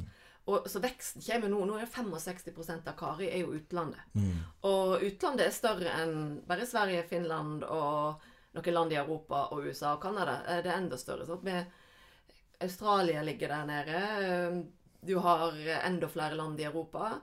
Eh, Så eh, det er egentlig bare vi, vi kan ikke heller ta og bare måke på. Eh, For da, klarer ikke vi produksjon. Vi klarer ikke hele den der eh, Hjulet går ikke rundt, da, på en måte. Så det må, må vokse sånn jevnt. Eh, så metningspunkt eh, Jeg vet ikke hvor store Nike er, men eh, de er rimelig store. Mm. så eh, hvis du skal sammenligne med deg, så er vi langt ifra ferdige. Ja, for, for, for altså, dere, jo, altså, dere er vel litt usikker, raskest voksende klesmerke i Europa. Mm. Så dere, dere har den, ja. Ja, nei, den, på Kari på, Det er jo mest på baselayer, hvis vi tar den største kategorien vår. Mm. Der er vi ledende på internasjonalt. Um, så det er veldig kjekt, da. Uh, og vi, det er litt sånn som Noen land vil at De spør om kan ikke de lage det og det. Lage et sånn og sånn produkt, for det går så bra i vårt land. Mm. eh, eksempel i USA da, har jo lyst til at vi skal lage mye mer, mer svarte klær. Men da blir ikke vi unike der borte. Mm. Det er greit vi kan gi deg noen svarte tights og noe sånt, men vi skal ikke lage egne produkt for at det da skal i sånn amerikanske fasonger eller style. Eh, for vi skal være skandinaviske. Vi skal være norske. Og det er det vi skal selge. Eh, som jeg egentlig bare Nei, vi kan ikke lage så mye ekstra til det. Kan Vi kan få noen andre farger, kanskje. For da, det er greit å få flere farger i sortimentet, så det blir Det er jo veldig mange store merker som for eksempel si Nike, da. De har egne japanske kolleksjoner. Eh, de har egne amerikanske, de er europeiske. Sånn. Så det er jo da plutselig begynner folk å reise rundt, da. Ikke akkurat nå for tida. Men jeg husker når jeg var til Japan, og sånn, så var det kjekt å gå i skobutikker og- og se på andre merker som du ikke fant i Europa eller i USA. Um, så du kan tilpasse litt, da. Men skal være Vi skal fortsatt være Du skal se at vi er Kari når du Ja, og, og kommer andre plasser. her er også kanskje en stor altså, grunnen til at dere har suksess. Altså, dere dyrka Kari Traa som et kvinnemerke, mens Bula tok seg den kara-gutta-delen. Mm. Og her ligger kanskje også suksessen. Du har vel kommentert det flere ganger. Ja, vi skal være sånn reindyrka jentemerke. Og da er Jeg tror det er Det er det vi har fått tilbakemeldinger på, for spesielt fra utlandet, er at vi er ganske unike. For vi er bare jentemerke. Og i sport. Og når vi starta for 20 år siden, så var sportsbransjen i Norge mye mer maskulin enn hva den er i dag. Eh, Så jeg tror vi som et merke har vært med og fått sportsbransjen til å bli litt mer for alle. For begge kjønn, for å si det sånn, da. Litt mer feminin. Og før i tida så gikk jo ikke du inn på sportsbutikk og handla, bare gikk og kikka og så hvis du ikke skulle kjøpe deg eh, joggesko, liksom.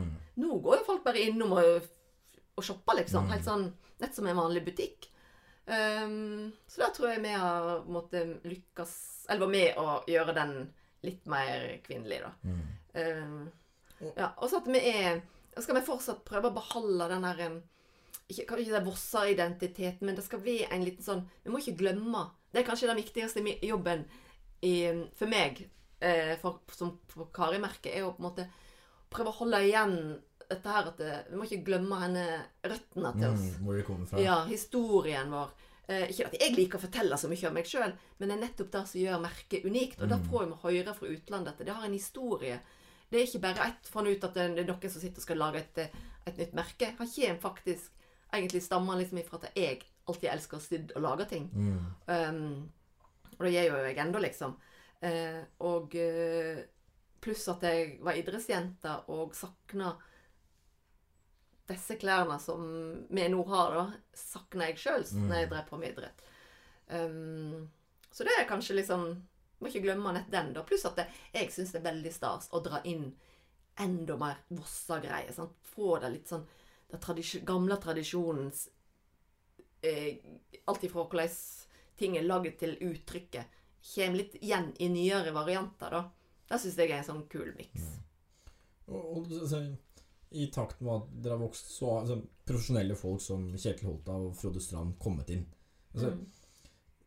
Hvordan har det vært? Har du, har du lært noe av de? Uh, nei. ikke jeg personlig. Jeg, jeg jobber ikke med de sånn til dagen. Men eh, de er jo bare mye mer eh, profesjonelle enn eh, meg som Kari Tråd. Meg. Um, jeg er jo ei sånn rotebøttehove eh, som ikke helt er fortsatt på det toget som ikke helt veit hvor opp eh, hvor det skal gå av. sant? Eh, men jeg er, jeg er kreativ. Jeg, jeg kan ikke jobbe Jeg sitter ikke opp og eh, har styreverv i alt mulig og sånt, for jeg, det er ikke meg. Jeg er, jeg er sånn kreativ pota. Ja, men, men det er jo som du sa, altså, det er kanskje derfor dere som skiutdannede fungerer. Fordi dere Ja, vi har ulike roller, sant.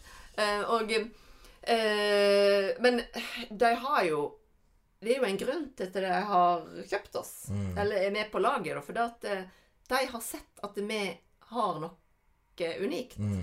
Og den der er jeg er veldig sånn Det gjør meg stolt, da. Mm. Og ser sånne store Som har gjort masse bra før, som ser potensialet i oss. Og jeg er jo sånn fortsatt liksom sånn sjokka over hvor, hvor mye liksom, Hvor stort Kari som, som merke er blitt, da. Jeg har liksom aldri drømt om noe sånt. Men faen vet liksom, må se hvordan det går, liksom. Og så gikk det bra, og så går det dritbra, sant. Um, så det er jo kanskje litt sånn det er jo det som har vært vanskelig å planlegge noe, for det, vi har jo ikke hatt noen plan. Eh, Vi har ikke visst Hadde vi planlagt en eller annen suksess, så tror jeg kanskje ikke hadde, det hadde blitt noe suksess. Eh, for vi har egentlig ikke lagt sånne Vi har aldri sånn Fra før når vi starta opp, så, så hadde jo ikke vi Vi tenkte jo ikke så langt fram i tid, sant? Og vi satt og knota sammen noen ville ideer og fått ut og ta noen bilder, og så vatt det som det vatt. Og jeg tror den, eh, det, er den, det er den biten som er sånn jeg liker, da, som er veldig sånn down to earth, eh, kreativt, enkelt eh, Enkelt forklart, på en måte. Ja, men, Men nå, i seinere tid, når vi er blitt så store, og vi skal serve flere land eh, med kampanjer og sånn, sånn, da må vi være plutselig internasjonale, og vi må, vi må gjøre alt eh, på en måte veldig sånn proft.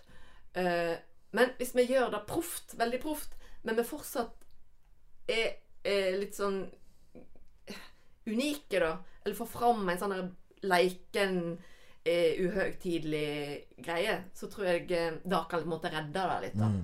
og, det, og det er igjen da kanskje det som er suksessen til skiguttene. Altså den kulturen dere har hatt. Altså, dere har åpenbart hatt det mye gøy på jobb. Altså, for, fortell litt om den kulturen. Nei, men det er ikke alt som kan sies her. Eh, men eh, det er en fantastisk eh, sånn kultur i, i skiguttene Active Brands. Og mm, det er skiguttene som har bygd opp. Det er vi som har holdt liv i, i måte, de sprellene som blir gjort. Kommer stort sett ifra Vossa-kontoret, da. Eh, og um, eksempel nå i koronatida, vet du, så har jo vi hatt eh, Jeg og Hansa bingo. Hatt det hver torsdag. Sånn eh, eh, Ikke første søndag i advent, men eh, første skjærtorsdag i advent. Og da har vi bingo. Og da kjører vi skikkelig bingostil. Og vi later røyke, eller vi faktisk røyker litt ekte òg. Og har det skikkelig, skikkelig bingo. Da ringer de inn, og de vinner. Da sitter de rundt omkring. sant? I, stort sett i Norge, da. Eh, en del av disse utlendingene følger med. Og ringer de inn, og så vinner de, da, vet du. Vinner sånn smått teposer og litt sånne ting. og litt penger når det begynner å nærme seg eh, toppen, liksom. Når det begynner å få flere og flere brett. Og det er mange som ikke kan bingo. Vi kunne nesten ikke sjøl heller, så må vi ha opplæring i bingo. Og så har vi hatt juleavslutning og sånt, og vi har begravelser når noen slutter. Vi hadde nett en her på onsdag. Det er jo litt, litt fælt, da, men vi har, for noen år siden så begravde jo vi salgssjefen på Kari. Han skulle begynne i Moods of Norway, så han hadde jo bare til å stappe i jordet. Men da hadde vi full begravelse med kiste og innlegg prest. Og vi har jordpåkastelse, og vi står og synger, og det er taler. Eh, men vi grov han jo opp igjen, da, og han fikk vi med på grav, sitt eget gravøl. Og han kunne fortelle da at det, det var så ekte, sa han. Han, fikk liksom, han var nesten litt sånn rørt da når han lå nede i kista da. Og så fikk han litt sånn oh, Shit, det er faktisk folk som blir begravd levende. Eh, men em, han kunne jo heldigvis komme og fortelle hvordan det var å få komme opp igjen. da. Men vi har hatt korsfestelse og masse sånn Men vi har, har veldig mye kjekt, da.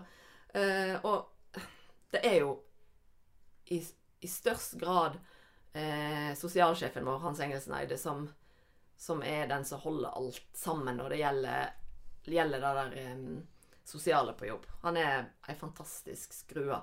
Skulle egentlig likt å være inni hodet hans eh, en liten dag. Da er det sikkert nok med en dag. Men der er det mye som foregår. Men han er en utrolig, utrolig god mann. Eh, han har sagt han kunne tenkt seg å gå inn i hodet mitt òg, for han lurer på hva som skjer der. Nei, jeg tror det blir litt kjedelig å komme inn i mitt hode i forhold til vei ditt. Men um, ja. Men um, det er veldig godt arbeidsmiljø. Hvordan kommer du på alle disse sprellene? Altså, eksempelvis gravferdsel. Eh, Det som skjedde nå sist, vet du, vi fikk avstøpning av han der eh, sjefen vår. Han skulle slutte å bli pensjonist. Tenkte jo faen ikke at han var blitt så gammel. Men han, eh, han var jo altså, åtte år, da, og alle vet, kjenner han godt og sånn.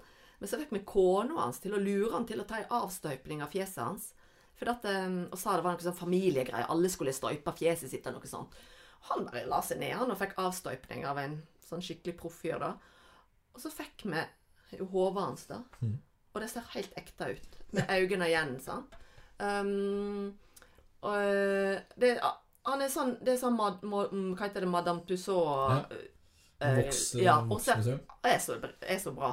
Og så når du liksom Døde personer får jo liksom litt innsøkk og litt sånn sånn, Så han vet jo litt, da lagde han liksom sånn, litt sånn død, da. Så han lå jo i kista, han, og så hadde vi sånn eh, likshowing, eller hva det heter. Hva heter? Likskue. Så vi tok av låket og sendte live på, til alle på, i Active Brands. da. Så det var jo 200 folk som satt og så på. Og så hadde vi mm, tok um, la krans, Jeg skulle ta av kransen, vet du, så tok det av låket. Så jeg la på kransen igjen, så la jeg liksom den oppå magen hans. da, liksom. Og da bare sokk jo det sammen! Men da hadde vi bygd opp noe annet onde, så det er bare hodet som er lagd sånn skikkelig bra. Og så bare knakk det ned, liksom. Og leser lese helt, sånn. Men da Hansen kjører jo full begravelse, og så som prest, og så synger vi salmer og. Og går fram med roser og sånn. Så han blir jo veldig rørt, og det er jo nesten litt sånn Det blir på en måte liksom så ekte, men det er jo eh, Hvis du jobber jo Skigutdannet har vært der noen år, så veit du Eller i Active Brands, da. Så veit du at det, det blir alltid en annen avslutning enn hva som er vanlig. så har vi òg hatt sånn her Når folk slutter, så skal vi ha med ei urne, da. Eh, og oppi den urna så har vi litt svidd hår ifra den som slutter. Og da må vi jo klippe håret ifra dem og svi oss av med urna, så har vi bilder av dem, og så når de eh, var jo oss. Og så, så nå har vi jeg vet ikke hvor mange urner, tolv urner vi har nå stående på jobb i oss. Eh, og det ikke alle mannfolk som har mest hår på hodet, så må vi få tak i håret en plass. Da er fremme sokser og leter, da. og så må man liksom svi det, for det må liksom brenne litt, og så putter du oppi den, og så har vi når du ser oppi der, så ligger det masse hårdotter, vet du. Så Ja, det er faktisk en som bare har fått en kaffekopp med hår oppi, men vi har ikke klart å skaffe urne hans ennå, da. Nei, men det er litt sånn, litt sånn groteskt, kanskje, hvis du ikke kjenner helt den kulturen vi har. Men det er bare sånn ja, Ofte litt på kanten, da. Men eh, hvis du har vært i oss en god stund, så skjønner du Det er du bare med på, da. altså, jeg ønsker med podkasten å inspirere unge. Altså, Ja. Spesielt dette med gründerskap. Og du har jo gjort en del konkrete handlinger for å ivareta ungdommen her i bygda. Altså, Karibyen. Hva, hva er det, og hvor kom ideen? Karibyen, den eh, Det er sånn vi har fått eh, folk til å komme til Voss for å jobbe i Voss, så har det alltid vært vanskelig med å finne plass å bo og sånn. Um, har, det har honget litt bak oss, så vi har måttet hjelpe dem til å prøve å finne noen plasser å bo. Og så, og så er det sånn når du får litt unge folk inn, så skal Du har ikke lyst til å plassere dem eh, oppe på Vinje, liksom, sant? Jeg har lyst til å ha det litt sånn sentralt så jeg kommer inn i miljøet og sånt. Og så For lenge siden så kjøpte vi opp um, litt eiendom for at vi skulle bygge nytt kontor og lager og ha det på Voss. Men så skjedde jo hele den greia om at vi solgte oss, og så ble lageret flytta ut av landet, og vi satt der med ei tomt som ligger da nede på Tvildemoen. Og så sånn Hva skal vi gjøre med den? Ja, kanskje, kanskje vi rett og slett skal bare gjøre noe positivt for bygda. Og da kom vi på at um, Vi hadde hørt om han Sigmund Bjørke som hadde lyst til å lage noe sånn, bygge et sånn der, ferdighus eh, oppe en plass, men da vatt han fikk ikke lov å bygge det. da. Så vi egentlig tok kanskje litt ideen hans med de ferdighusene. Og så prøvde vi å lage, bygge enkle sånn førstegangsboliger til ungdom eh, Ikke kan ikke kalle det ungdom, men eh, sånne- Førstegangskjøpere? Ja, førstegangskjøpere som er litt som skal ut av redet sitt, da. Um, og så lager det på en måte så billig som jeg klarte. Vi har jo selvsagt, selvsagt har vi tjent litt på det. Men vi kunne jo tjent enda mer hadde vi gjort det sånn som det i gjort i Nyresfeltet, f.eks. Mm. Der ligger jo samme størrelse med leiligheter for en million over.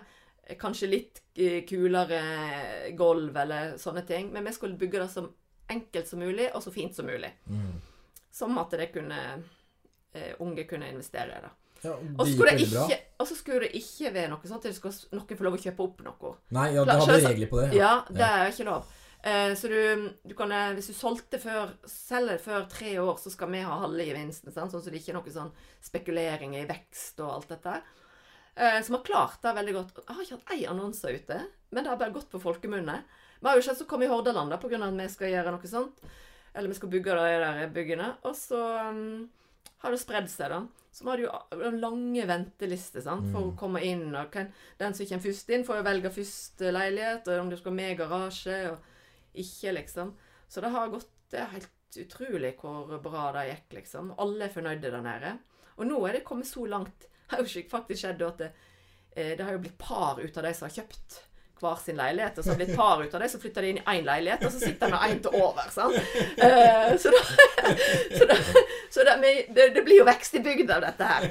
Um, eh, så det er veldig kjekt. Eh, men nå er det flest, nå er det noen som måtte ha fått for mange unger, så de må ut, flytte ut for de trenger større plass. Kjempekjekt. Ja, Men nå, nå lever jo den byen av seg, seg- av seg sjøl, liksom. Men denne coviden har jo gjort at vi ikke fikk ta den siste innflytningsfesten for de siste som flytter inn. ja, okay. Så vi har igjen en fest der vi skal lage for Vi har alltid en sånn samling, for de skal jo ha godt naboskap. De skal jo kjenne hverandre. sant?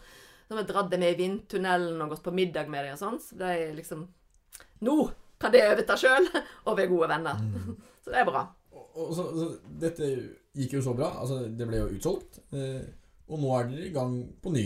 Eh, Ja, ikke Øyvind i gang på ny. For har, han har kjøpt tomta vår, og så har vi gått ut av det. Okay. Så han gjør det i lag med sønnen sin. Ja, Anders. Okay. Ja. Ja, Så det er deres sitt prosjekt nå.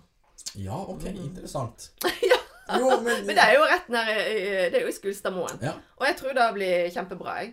Men uh, vi er ute av det, da. Det er, litt, det er bare litt for at eh, vi har gått eh, våre egne veier. Og Øyvind har fått sønnen sin inn på laget, og de har lyst til å drive på i lag. Så det er jo kjempebra. Ja, og, og Skigutta har jo hatt veldig mye altså, Veldig mye ulike prosjekter opp gjennom tida. Altså, når dere et metningspunkt der òg? Altså, dere har jobba sammen i veldig mange år nå. Eh, ja, vi har jo det.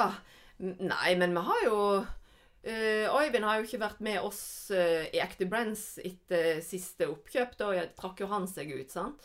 Mens Hansen ble med videre. Så, så det er jo litt hva valg du velger å ta òg, da. Og så um, vi, er jo kompiser og har jo julebord og sånt i lag. Eh, så, så det er jo veldig kjekt. Men um, det er jo noe litt sånn, vi vokser jo og blir voksne og og får andre interesser og sånn, så, så nå er det jeg og Hans som putler på på Voss, og så er Eriken i Oslo. Og han er jo Han er jo, er jo, vil jo alltid forbli vossing, selv om han ikke flytta til Voss igjen. Eh, Han har etablert seg der borte, så um, da får vi, jeg, og Hansen holde oppe Voss. Hvis vi nå avslutningsvis altså, skal reflektere litt over altså, karrieren din eh, hva, altså, Jeg pleier å stille disse gjestene altså, Hva Ja. har vært mest avgjørende faktor for din suksess? At man har trua på sjøl og bare tør å, å gjøre det. Man bare gått for det. Mer handling, mindre tankegang? Eh, ja, kan, ja, kanskje der, eh, der. Og så egentlig ikke tenkt over noen konsekvenser. Men egentlig, ja, det får gå som det går, og så Du får jo ikke noe svar hvis du ikke prøver. Mm. Det er kanskje Jeg tror kanskje det er det som var var uredde, da. Mm. Og det henger vi litt i lag med vår idrettsbakgrunn òg. Eh, at vi har kanskje vært litt uredde der òg. Mm. Altså, du har vært innom en del podkaster, en del intervju. Eh, hva savner du å bli spurt om? Nei, det er av og til jeg kommer på sånne intervju, og så lurer jeg egentlig på Blir ikke det lei av å høre den historien min? Jeg føler jeg forteller historien min. sant? Eh, så når jeg får sånne spørsmål som du stiller meg nå, hva er det du, hvor tenkte jeg å bli spurt om? Jeg har ikke peiling. Jeg føler jeg blir Jeg, jeg har aldri hatt noe hemmelig, for jeg forteller alt. Eh, for jeg, jeg er dårlig på å holde på hemmeligheter, det er nå én greie, da. Men jeg har alltid vært åpen og gitt av meg sjøl, så jeg har liksom Jeg føler jeg har egentlig tømt. Jeg har egentlig ikke noe Jeg vet ikke hva du skulle spørre meg. Vekk til meg. jeg jobber litt med det nå, skjønner du. Eh, Og er på vei ned igjen. Jeg begynner å springe, vet du. Det er jo, da er det tegn på at du blir gammel og du begynner å like å springe. Det har jeg aldri gjort. Mm. Altså, eh, Active Brands har hatt sterk utvikling eh, de siste årene. Eh, altså, vi snakka jo også om det. Altså, Kari Tro er en bærende merkevare. Mm. Hvor er dere om fem-ti år? Um, jeg tror vi er um, eh, større. Jeg tror kanskje vi er solgt igjen. Eh, og jeg tror vi er mer globale. Men jeg tror òg at vi eh, Jeg tror ikke vi er større i mengde av folk som jobber hos oss.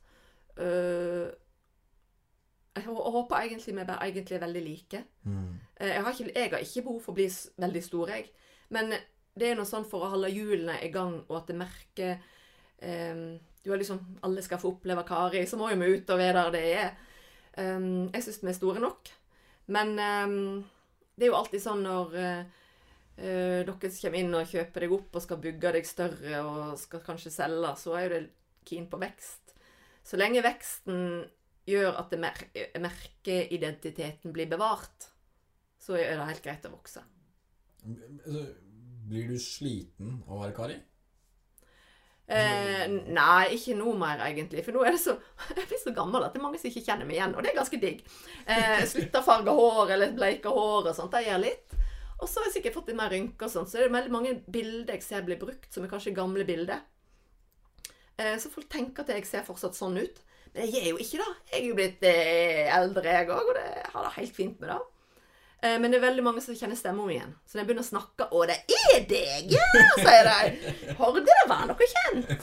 Eh, det er jo da Norges nest styggeste stemme da, som kommer fram. men jeg, blir ikke, jeg er ikke så sliten av Kari. Det er egentlig ganske greit å være Kari. Og nett nå har jeg det utrolig fint. For det blir jo ikke noe reising. Jeg syns livet er helt topp. Det er kanskje litt fælt å si det, da. Men jeg syns det er utrolig deilig å ha blitt så voksen at jeg syns jeg har ro i ræva. Mm. Jeg har alltid vært litt sånn rastløs og må ut igjen og sånn.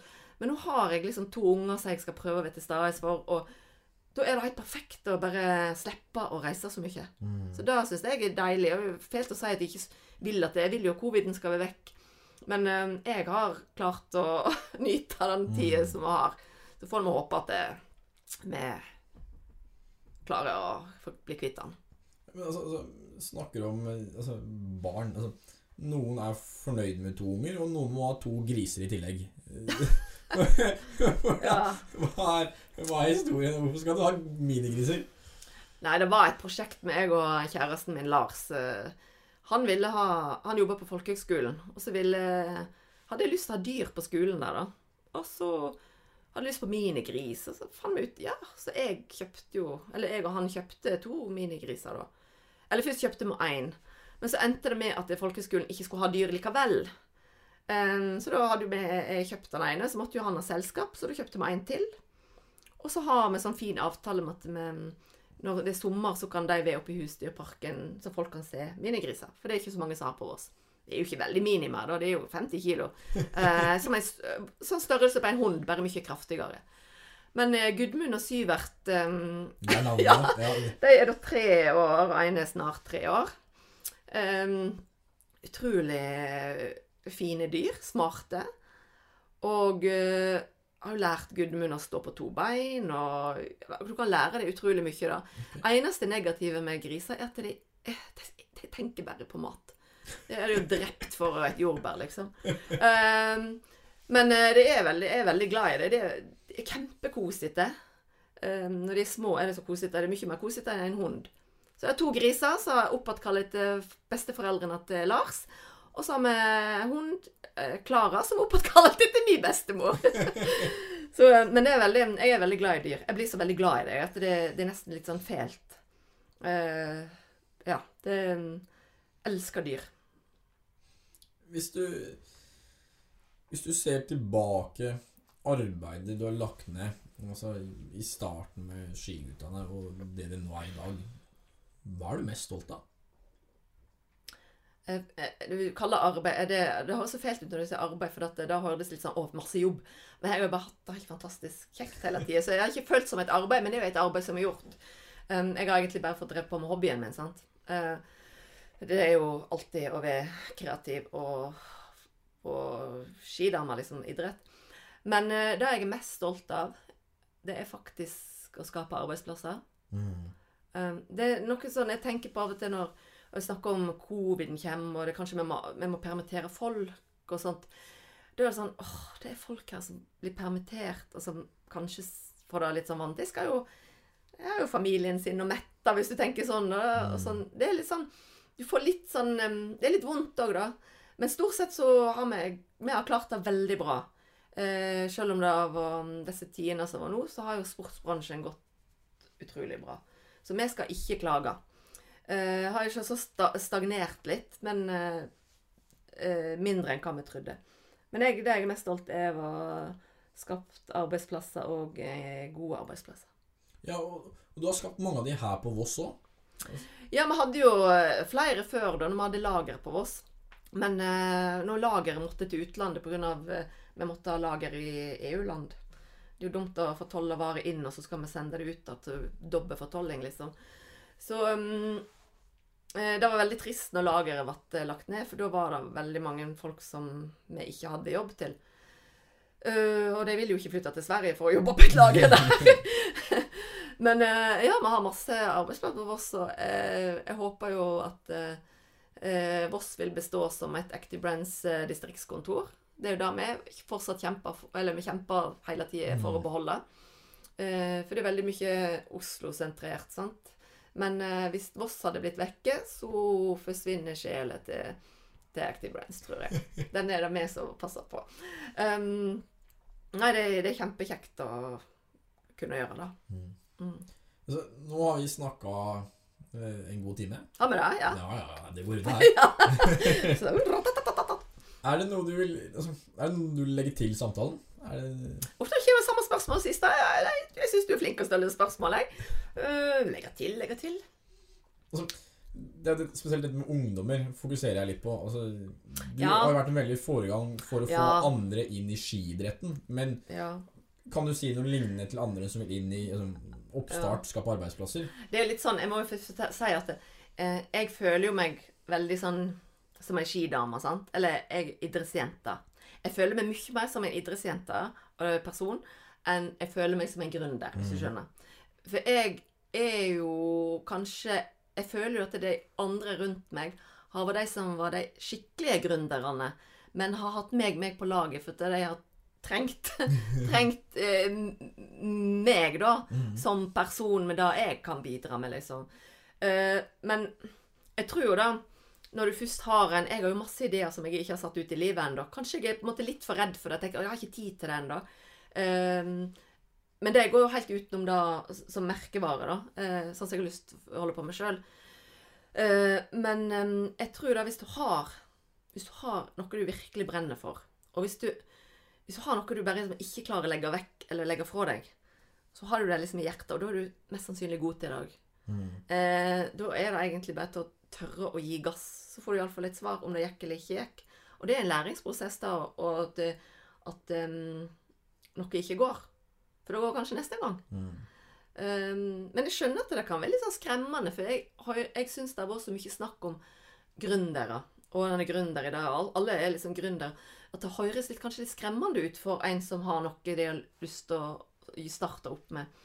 Eh, men det er egentlig ikke så veldig skremmende. Men det, jeg, jeg syns jeg synes det er bare sånn skremmende sånn som folk tenker at det skal være så Si si du er i en hovedstad, da. Da skal det alt være så godt planlagt. Det skal være sånn og sånn, og du skal ha en strategi, og du skal være eh, Det er så mye skal inn for liksom å kunne starte opp noe. Men, men noen gjør det kanskje litt enklere. Jeg tror det er kanskje enklere på bygda. Du trenger ikke ha de store planene, men kanskje starte med en, en liten plan. Og så heller la den vokse. For da kan det kanskje gå litt At det blir litt for mye å holde styr på. Um, så det går an å starte litt i det små òg, da. Og det er masse kreative sjeler ute. Eh, om du bare starter opp noe som måte, du kan livnære deg av sjøl, din egen arbeidsplass, eh, det kan være nok for noen. Men noen har kanskje en drøm om at de skal starte opp noe stort og få masse arbeidsplasser ved sjefen der. og sånn. Så det er jo ulike måter å se hva en gründer er på, da. Men jeg tror de fleste tenker en gründer er noe som skaper noe som bare blir kjempestort. Det trenger ikke være så stort. Og det er fortsatt gründer. Og med oppfordring om å gi gass eh, når du brenner for noe, så sier jeg tusen takk for praten, Kari. Tusen takk for at jeg fikk komme opp i storyen her.